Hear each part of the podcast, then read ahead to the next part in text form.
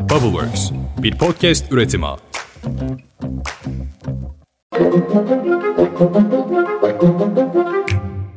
Günaydın. Bugün 18 Mayıs 2023. Ben Özlem Gürses. Bubbleworks Media ile birlikte hazırladığımız 5 dakikada dünya gündemine hepiniz hoş geldiniz.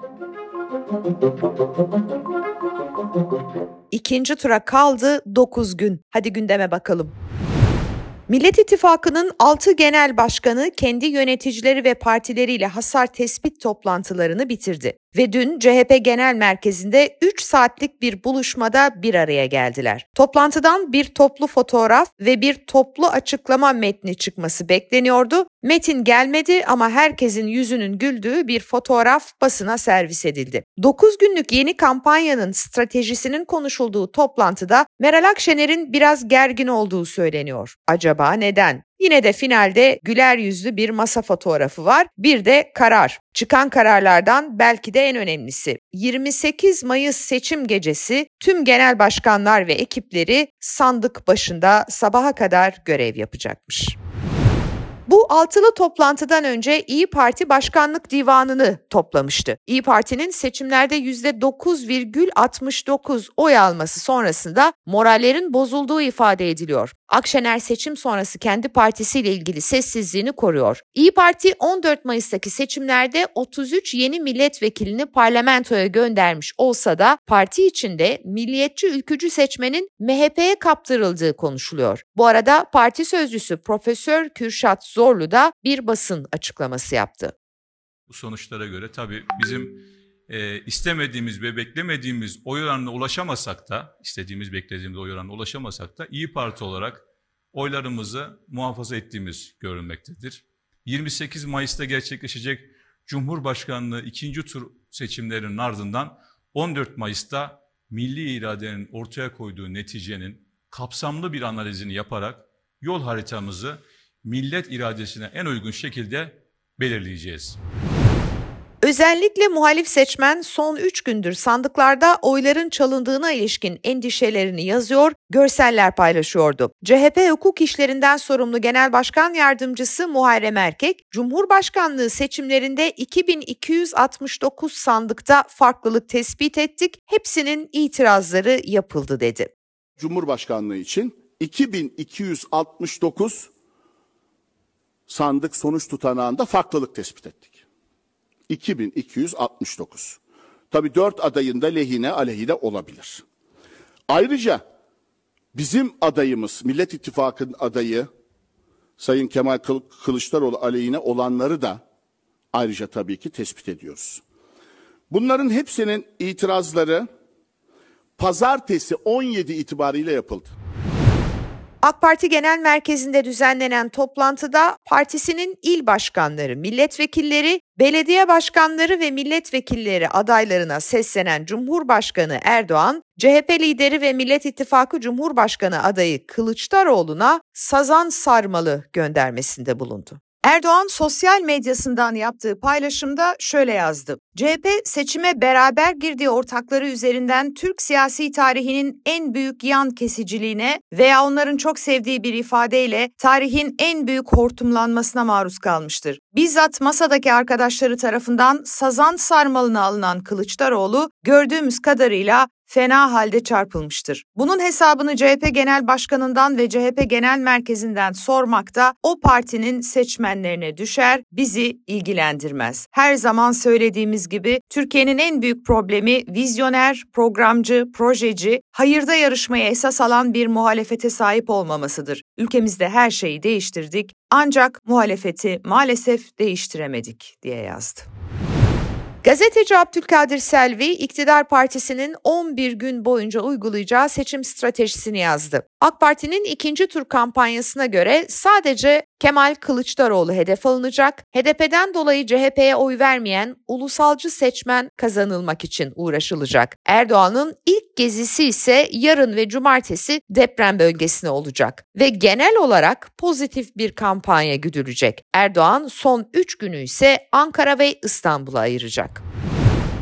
Bir günden Mustafa Bildirici'nin haberine göre İletişim Başkanlığı Nisan ayında rekor harcama yapmış. 2023'ün ilk çeyreğinin en fazla harcamasının yapıldığı ay aynı zamanda Nisan ayı ve İletişim Başkanlığı 282 milyon 963 bin TL harcamış. Bu 2023'ün ilk çeyreğinde başkanlığın gerçekleştirdiği toplam 642 milyon 73 bin TL'lik bütçenin %43,72'sini oluşturuyor.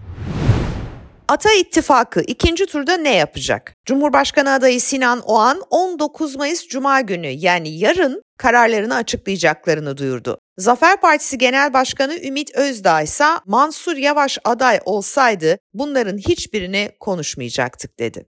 Eğer Millet İttifakı aday olarak Mansur Yavaş'ı çıkartsaydı şimdi ikinci turu konuşmuyorduk. İki, meclis ittifak, mecliste Millet İttifakı muhtemelen de çoğunlukta olacaktı. Ancak ben bu açıklamayı gerçekten bir siyaset bilimci olarak yaptım. Ee, bir siyasetçi olarak yapmadım. Türkiye'nin Erdoğan'ı aşması gerek ee, ve artık yorulmuş bir rejim var. Kendisini taşıyamıyor, Türkiye'yi taşıyamıyor. MHP'nin kurucusu Alpaslan Türkeş'in atadığı son Ülke Ocakları Genel Başkanı olan Azmi Kara Mahmutoğlu, Millet İttifakı adayı Kılıçdaroğlu'na desteğini vurguladı ve 28 Mayıs'ta Cumhurbaşkanlığı seçimini kazanması halinde Türkiye'deki sığınmacılara ilişkin politikayı milliyetçi kadroların yürüteceğini söyledi.